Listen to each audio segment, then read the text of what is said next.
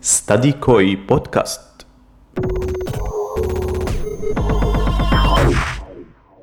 هذا المحتوى مهم لكل الطلاب الذين يدرسون أو يتطلعون للدراسة في تركيا. مرحبا بالجميع. لنبدأ.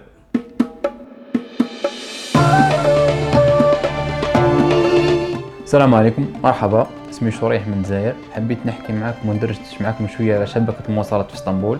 نتمنى منكم تستفيدوا ولا حتى على الأقل تستمتعوا بخبرتي القصيرة فيها. برأيك شريح ما أهمية شبكة المواصلات في مدينة إسطنبول؟ صراحة مدينة إسطنبول مدينة كبيرة. ونص وقتك يعني إذا ما رتبتوش راح يضيع في المواصلات والمواصلات سهل لك التنقل من مكان لمكان. والشي المميز إسطنبول إن الاختلاف في نوعية المواصلات يعني مترو فوق الأرض تحت الأرض ترامواي باصات باخرة شي صراحة حتى إنه يضيع وقتك في المواصلات بس تستمتع يعني. خاصة إنه في مناطق مواصلات في مناطق سياحية مناطق روعة يعني تستمتع حرفيا. جميل إنك حكيت عن أنواع وسائل المواصلات بس كنت حاب أعرف شو هي وسيلة النقل المفضلة عندك وليش؟ والله أحسن وسيلة مواصلات هم اثنين هي الباخرة نستمتع فيها وفي واحدة هو ترامواي صغير عنده محطة واحدة فقط. وبادي اسطنبول ياخذك من صاير انتيبي إلى فادي اسطنبول. صراحة ياخذك من ملعب غلطة سراي. هناك الفيو ما شاء الله صار روعة يعجبني صراحة. بتذكر تجربتي أول ما جيت لاسطنبول وعرفت إنه العبارة البحرية هي تستخدم هون كوسيلة مواصلات؟ استغربت بالبداية. كنت حس إنه هي بتاخدك برحلة بحرية أكثر من كونها وسيلة مواصلات. إنه صراحة الشيء مش متعودين عليه إحنا في بلداننا لأنه بالنسبة لنا الباخرة هي شيء يعني تتخصص له وقت وميزانية تتنقل من مكان لمكان يعني. إحنا مثلا في الجزائر ما عندناش تتنقل من مدينة لمدينة الباخرة وفقط من دولة لدولة يعني. لما تقرر إنك تسافر من دولة لدولة يعني قرار كبير. أما في إسطنبول هنا يعني أنا لما كنت ساكن من سكني لجامعتي بركب باخرة يعني تخيل يعني نص ساعة أكثر شيء يكون باخرة. يعني كنت ندور إسطنبول يعني تقلقت ويعني ازدعجت حب نبدل جو نركب باخرة بدور يعني ما شاء الله قارة بين قارة وقارة. شيء صراحة fantastic بنسمع دايما ببطاقة مواصلات الطالب. فيك تحدثنا عنها شوي. okay. بالنسبة لبطاقة المواصلات بالنسبة للطالب هي يعني تقدر تقول هي مساعدة من الدولة للطالب بما إنه يعطيك 200 pass يعني تقدر تركب في خلال شهر مبلغ رمزي تركب 200 مرة. يعني تخيل هذا الشيء يعني تطلع من الصبح للمساء الليل كل وقت في أي وقت بدون ما تعمل أي حساب لأي شيء يعني. بالنسبة للطالب الميزة أنك عندك بطاقة مواصلات طالب تدفع فقط ستة دولار أو الأكثر. هذا الشيء يعني يفرق عن واحد إنسان عادي اللي يدفع أكثر مبلغ هذا تقدر تقول 30 دولار يعني أكثر من أضعاف من هالمبلغ فقط ليتنقل المواصلات. بما ولكن بما أنك انك طالب استغل هذا الشيء يعني فقط ستة يعني تقدر تقول هي وجبة أكل تدفعها في يوم تدور بها خلال شهر كامل يعني بدون ليميت صراحة شيء ممتع. فإذا أنا كطالب بدفع شهريا 6 دولار لبطاقة المواصلات وهي البطاقة نفسها لو ما كنت طالب كنت راح أدفع مقابلها 30 أو أكثر من 30 دولار طيب شريح فينا نعرف أطول طريق قطعته داخل إسطنبول بالمواصلات العامة؟ والله بما أنا قلت مدينة إسطنبول كبيرة هي مش فقط كبيرة هي قارتين يعني أوروبا وآسيا والشيء اللي مليح في المواصلات بها إنه في واحد مترو اسمه ماراي بياخذك من آخر أوروبا إلى تقريبا آخر آسيا. هذا مترو صراحة يعني نستمتع فيه هنا لأنه واسع وطويل وشكله شكل قطار. والشيء اللي يميزه إنه يمشي على حافة البحر على الساحل. يعني يمشي فوق البحر تحت البحر فوق الأرض تحت الأرض. يعني تستمتع به صراحة المناظر فيه خلابة. أنا حابب آه، هيك نرجع شوي لقصة العبارة البحرية. لأنه هي بالفعل أمر جذاب. يا ريت نقدر من خلال حديثنا نوصل الأجواء يلي بتكون موجودة خلال ركوب هي السفينة أو العبارة. وخاصة أنه الإنسان وقت اللي بيكون بداخلها جغرافيا يعني بيكون غير منتمي لأي قارة لأنه بيكون عم يبحر بين قارتين. صراحة الشيء اللي خلاني نقول إنه الباخرة هي أحسن مواصلات بالنسبة لي لأنه في وسط الباخرة تحس روحك إنك في مدينة. مدينة سياحية لأنه علاش؟ انه في الباخرة تلاقي السياح تلاقي الناس العادية تلقى إنسان تعبان تلقى إنسان غني تلقى الناس كل صفة أصناف الناس تلقاهم في الباخرة. هذا الشيء صراحة يخليك تستمتع تلقى واحد تعبان واحد كاره واحد يعشق واحد بيتفور واحد يعمل فيلم واحد يعمل تيك توك. صراحة كل صفة ناس تشوفهم في الباخرة مو زي المترو يعني. المترو يعني أقل شوي بس الباخرة لأنه مشوار ومشوار مثلا نقول لك على نطاق واسع يخليك تشوف تحتك أصناف كثيرة من الناس. هذا الشيء صراحة مميز. في باسطنبول أقدم ثاني خط للمترو بالعالم اللي هو بيوصل بين آه، كراكوي ومنطقة جلطة أو جادة الاستقلال. جربت تطلع فيه؟ وفي واحدة من المرات أنا لما حبيت نجي المكتب في ستاديكوي اللي في كاباتاش ركبت من تقسيم يعني امبارح يعني خليني نقول لما جيت لمكتبكم ركبت من تقسيم عشر دقائق على الأكثر تكون في مكتب صديقي. من أقدم خطوط المترو هنا في اسطنبول طيب. برأيك سهل على الطالب الجديد التعود على شبكة المواصلات باسطنبول؟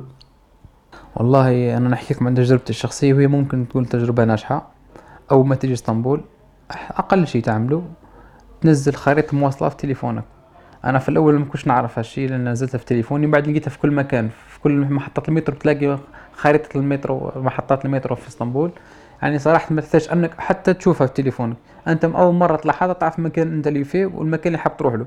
ويعطيك شبكة المترو منظمينها بالأسامي بالألوان. يعني محتاج أنك حتى تسأل واحد. كلش منظم كلش مرتب. يعني بالنسبة لك تلاقي حتى صعوبة. بما أنك إنسان طالب حتكون أكيد ناس تعرف تقرأ وتعرف تشوف البلاكة وتعرف تلقى العلامات. تجيك بالنسبة لك أسهل شيء. شو هي أهم تطبيقات المواصلات يلي فينا ننصح الطلاب أنهم يحملوها؟ والله المواصلات أنا استعملت ثلاث تطبيقات. أولها جوجل ماب أعرفها من وين ومن وين. في أكثر من تطبيق خليني جوجل ماب نستعمله من قديم. في واحد اسمه موبيت هو اللي تستعمله آه، تشوف الباص إمتى حيجي والمحطات اللي هيجي فيها تعرف تفصيل الأدق. في إسطنبول كارت هذا التطبيق آه، تشحن فيه بطاقة كارتك يعني ما فيش داعي تروح الماركت ولا أي مكان. تليفونك إذا عندك بطاقة بنك تدفعها وتعمل اشتراك شهري ولا أي شيء اللي حاب تديره ديره بتليفونك يعني.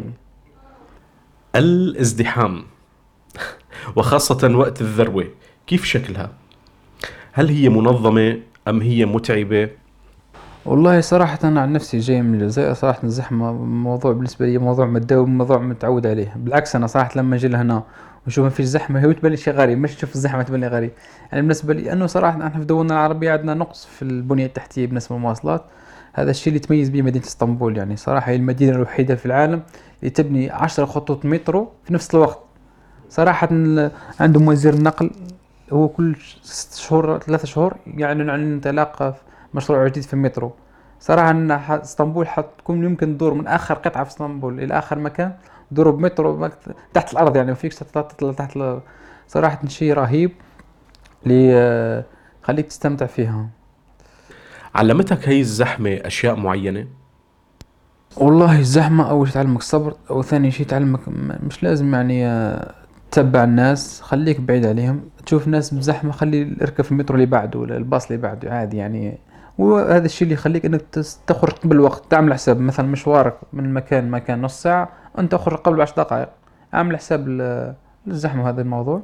خلاص تكون رابح في الشيء تخليك مثلا تستغل وقتك مثلا تقرأ كتاب. تقرأ قرآن. ما أنا في إني مواقف أنا حتى حليت واجبات assignment في الجامعة حليتهم عامل حساب إني عارف مشواري من من الدار للجامعه 30 دقيقة خلاص أنا خلي assignment في الطريق نعملها وخلاص. بما أنه عم نحكي مواضيع حول المواصلات بتذكر مرة ركبت الباص والباص مشي ولكن الكرت أو البطاقة كانت فاضية.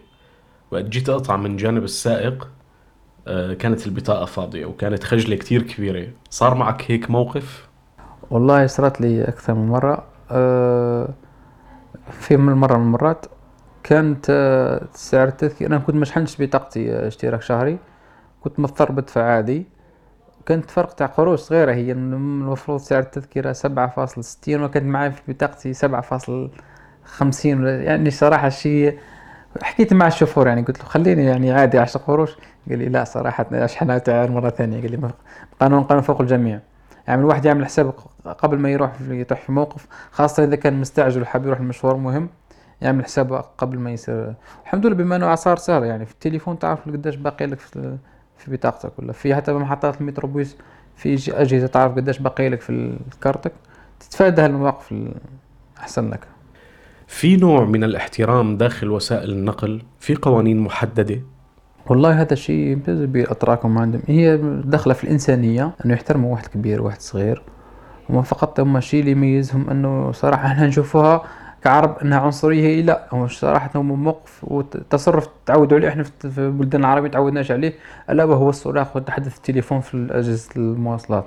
صراحة نحن في كدولنا العربية بالنسبة لنا شيء عادي. نحكي مواصلات بصوت عادي بصوت مرتفع بنحكي في تليفون فيديو كول. صراحة الاتراك مش متعودين على هالشيء. هذا الشيء ممكن يخلق لك مشاكل معهم. هذا الشيء بما إنك أنت في دولتهم هو ما طلبش منك شيء مستحيل. طلب منك فقط تحكي بصوت منخفض وباحترامك يعني ما ما يطلبش منك شيء كبير. هو بس الشيء هذا بيقدسوه وكمان بالنسبة للأطفال الصغار والكبار والشيوخ صراحة عندهم تقدير كبير خاصة الكبار في السن. هذا شيء صراحة ممتع فيه. آخر سؤال بدي أسألك يا شريح. هل تأخرت في يوم من الأيام عن مواعيدك بسبب الازدحام؟ والله آه، صرت لي موقف وحيد فقط. وصراحة كان في في صالحي في راس العام حفلة راس السنة. كنت حاب أروح الأورطاكي كانت الطريقة مسكرة. اضطريت إني نكمل طريق آه، على رجليا. لأنه صراحة معروف في رأس السنة طريق آه، تكون مليانة. خاصة في مناطق اللي تصير فيها حفلات تصير فيها إيفنتات كبيرة. الواحد من الأحسن يعمل حسابه يروح يطلع بك بكري شوية ولا يروح يغير المكان يعمل حسابه أحسن من قبل. سعيد باستضافتك شريح. شكرا لك. الحديث كان ممتع. بتشكرك وبشكر كل حدا وصل معنا لنهاية هذا الحديث. إن شاء الله بارك الله فيكم. دمتم بخير. نلتقي في موضوع جديد مع ستدي كوي بودكاست